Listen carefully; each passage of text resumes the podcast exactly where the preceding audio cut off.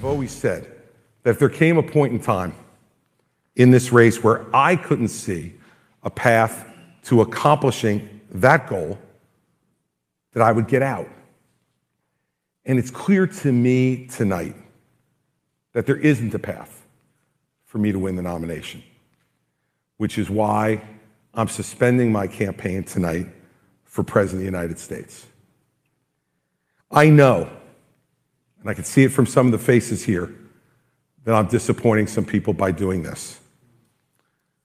People who believe in our message and believe in what we've been doing. I also know, though, it's the right thing for me to do. Because I want to promise you this I am going to make sure that in no way do I enable Donald Trump to ever be president of the United States again. And that's more important than my own personal ambition. Ja, Chris Christie stapt uit de race om het presidentschap nog voordat er maar één stem is uitgebracht. Hij zegt: Ik zie geen pad meer naar de nominatie, maar tegelijkertijd hoopt hij hiermee toch alsnog te slagen in zijn grootste campagnedoel, namelijk het kapotmaken van Donald Trump. Ja, en hoe dat zit leg ik zo uit. Maar eerst heugelijk nieuws. We hadden natuurlijk al heugelijk nieuws bij de vorige podcast. Het was namelijk de honderdste aflevering. Dit is de 101ste aflevering. Nou is dat niet het heugelijke nieuws. Het heugelijke nieuws is dat de tickets voor mijn theatertour eindelijk in de verkoop gaan as we speak. Dus op dit moment, net nadat deze podcast is uitgekomen, gaan die tickets in de verkoop. Ik sta in nou, ongeveer 30 theaters uh, uh, dit jaar. ik geloof 30 tot 40 in totaal. En uh, de theaters die nu in de verkoop zijn gegaan, die vind je allemaal op remontmens.nl. Als je naar remontmens.nl gaat, dan zie je meteen uh, theatercollege staan. Daar klik je op en dan zie je het hele overzicht vanaf september tot ongeveer uh, januari in welke theaters ik wanneer ongeveer sta. Of beter gezegd, waar ik wanneer sta. Dus ja, kom gezellig naar mij toe, naar een theater bij jou in de buurt. Ik vertel je ja, toch alles over hoe dat nou precies zit in Amerika. Hè? Dat, dat grootste circus op aarde heb ik het altijd over. Hoe werkt dat nou precies? Hoe zit dat met die kiesmannen?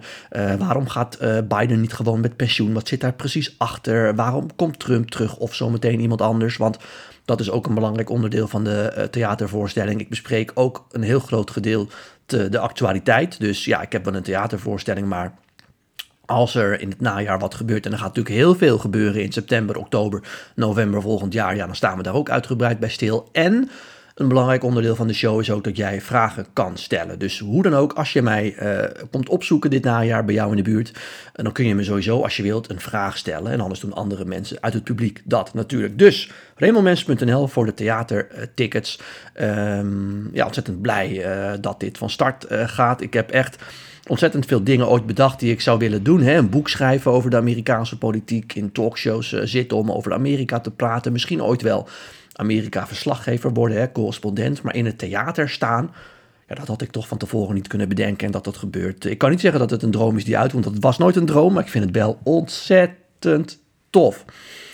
Goed, iets minder uh, toffe dag is het voor uh, Chris Christie. Uh, ik zat gisteravond laat nog de Amerikaanse televisie te kijken. Toen wilde ik naar bed gaan en toen werd bekend dat ieder moment hij weer zo'n town hall zou geven in New Hampshire. Zo'n kleine intieme setting waar ik ook een paar maanden geleden bij ben geweest. En ja, toen zag je de bui al hangen, want het ging rond. Hij zou zijn kandidatuur beëindigen en dat deed hij ook. hij zegt ik heb die hele eh, town hall van hem gezien uh, gisteren. was een hele mooie speech. Ik zou uh, je aanraden om even terug te kijken.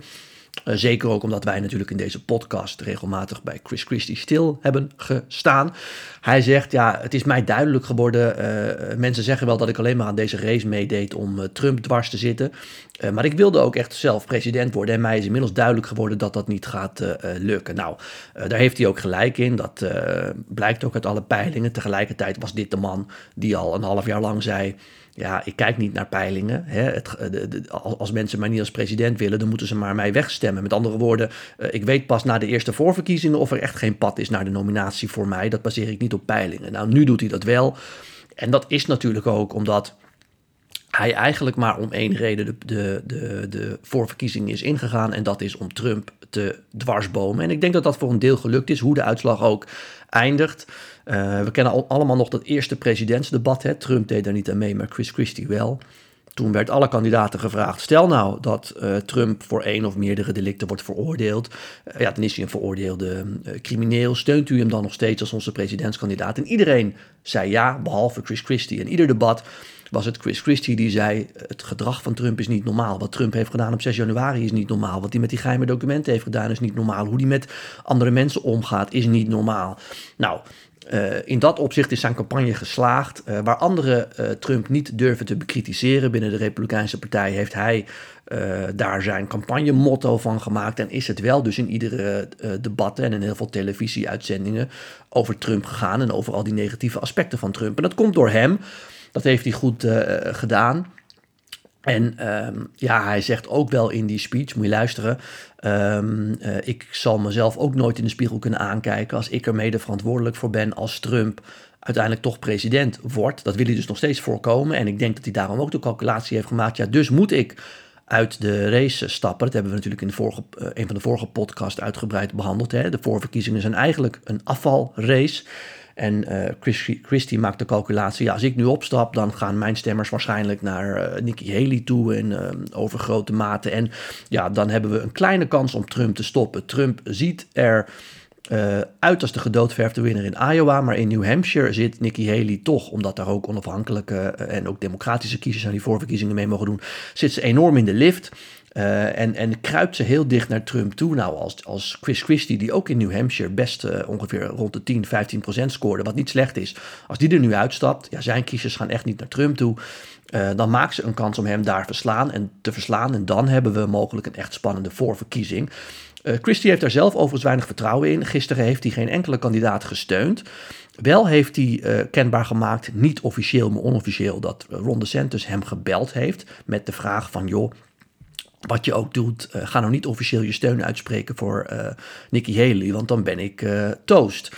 dat doet hij ook niet, Chris Christie, want hij heeft zelfs Ron DeSantis en ook Nikki Haley bekritiseerd gisteren. Want hij zei, als Trump de nominatie wint, dan komt dat door dat ene moment waar ik het ook net over had. Dat moment in het debat waarin zij zeiden, Zelfs als hij veroordeeld is, blijven we hem steunen. Dan hebben ze een vrijbrief gegeven aan iedere kiezer om toch op hem te stemmen.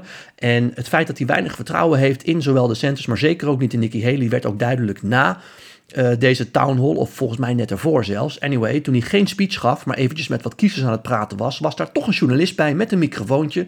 Dat leverde een zogenaamd hot mic moment op. Uh, en daar is Chris Christie stiekem opgenomen. En zie je dat hij daar nog wat verder zegt wat hij echt vindt van Nikki Haley. En komt er in kort op neer dat hij zegt. Als Haley het tegen Trump op moet nemen, ja, die is daar helemaal niet klaar voor, joh. Die wordt geroosterd. Luister maar even. People don't want to hear it, Wayne. They don't want to hear it.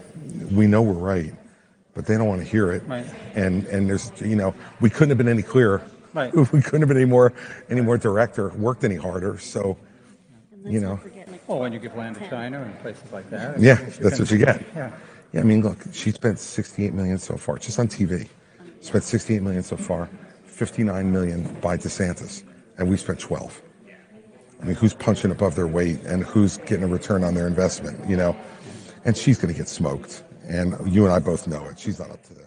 Ja, dus uh, dan weten we ook meteen het antwoord waarom uh, Christie uh, Haley niet gesteund heeft. Hij heeft er weinig vertrouwen in, maar toch blijft de calculatie hetzelfde. Als je Trump wil stoppen, ja, dan moet er uh, een één-op-één strijd tegen Trump komen. En Christie heeft dus de calculatie gemaakt, dan moet ik stoppen. Ook al heb ik weinig vertrouwen in uh, Nikki Haley. Misschien wordt het toch nog de Centers, daar heeft hij misschien wat meer vertrouwen in.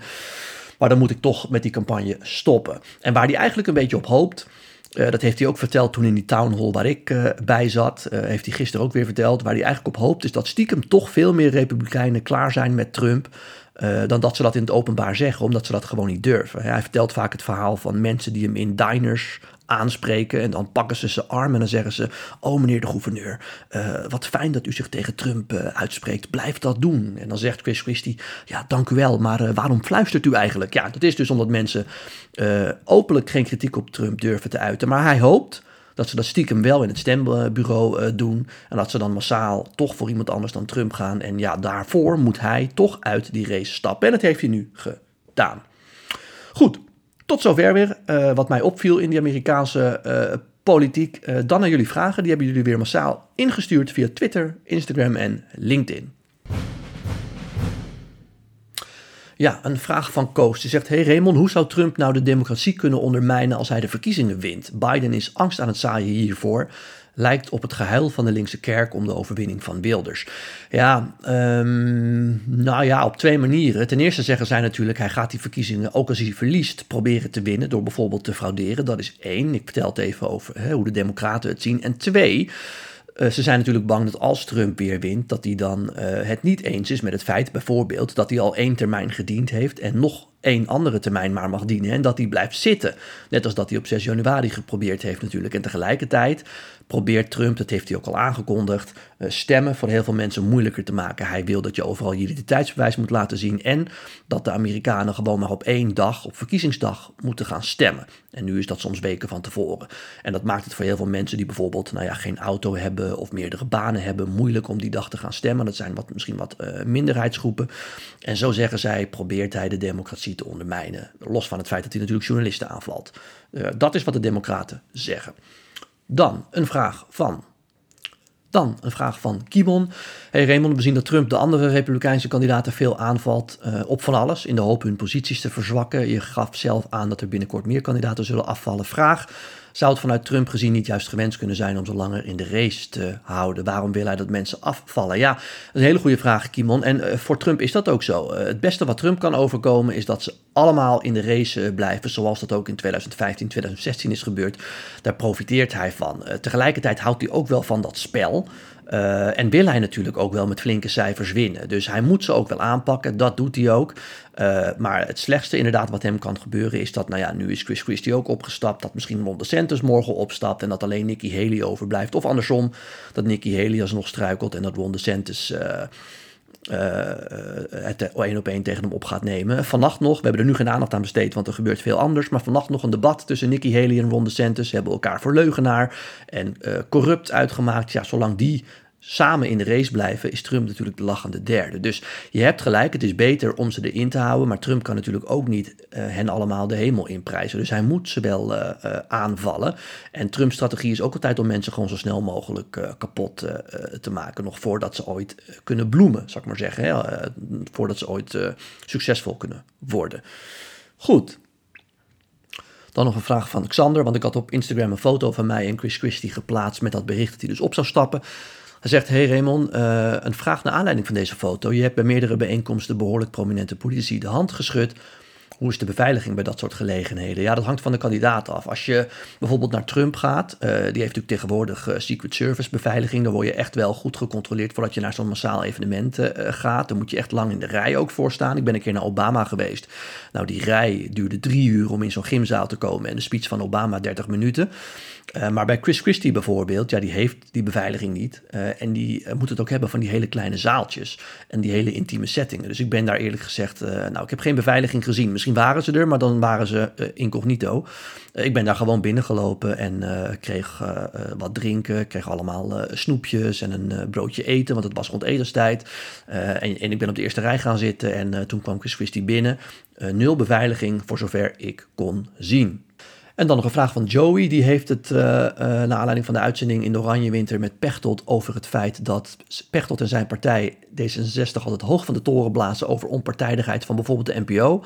Uh, ze, zijn in de ogen, ze zijn in zijn ogen niet bevooroordeeld ten overstaande van de PVV en FVD. Maar in de uitzending zei hij juist dat het fijn vindt als journalisten kleur bekennen. Dat strookt toch niet met elkaar. Ja, Joey, ik heb daar ook al eerder van gezegd. Ah, ik ben geen journalist, dus ook al vindt hij dat fijn, ik ben dat niet. Ik ben een politicoloog.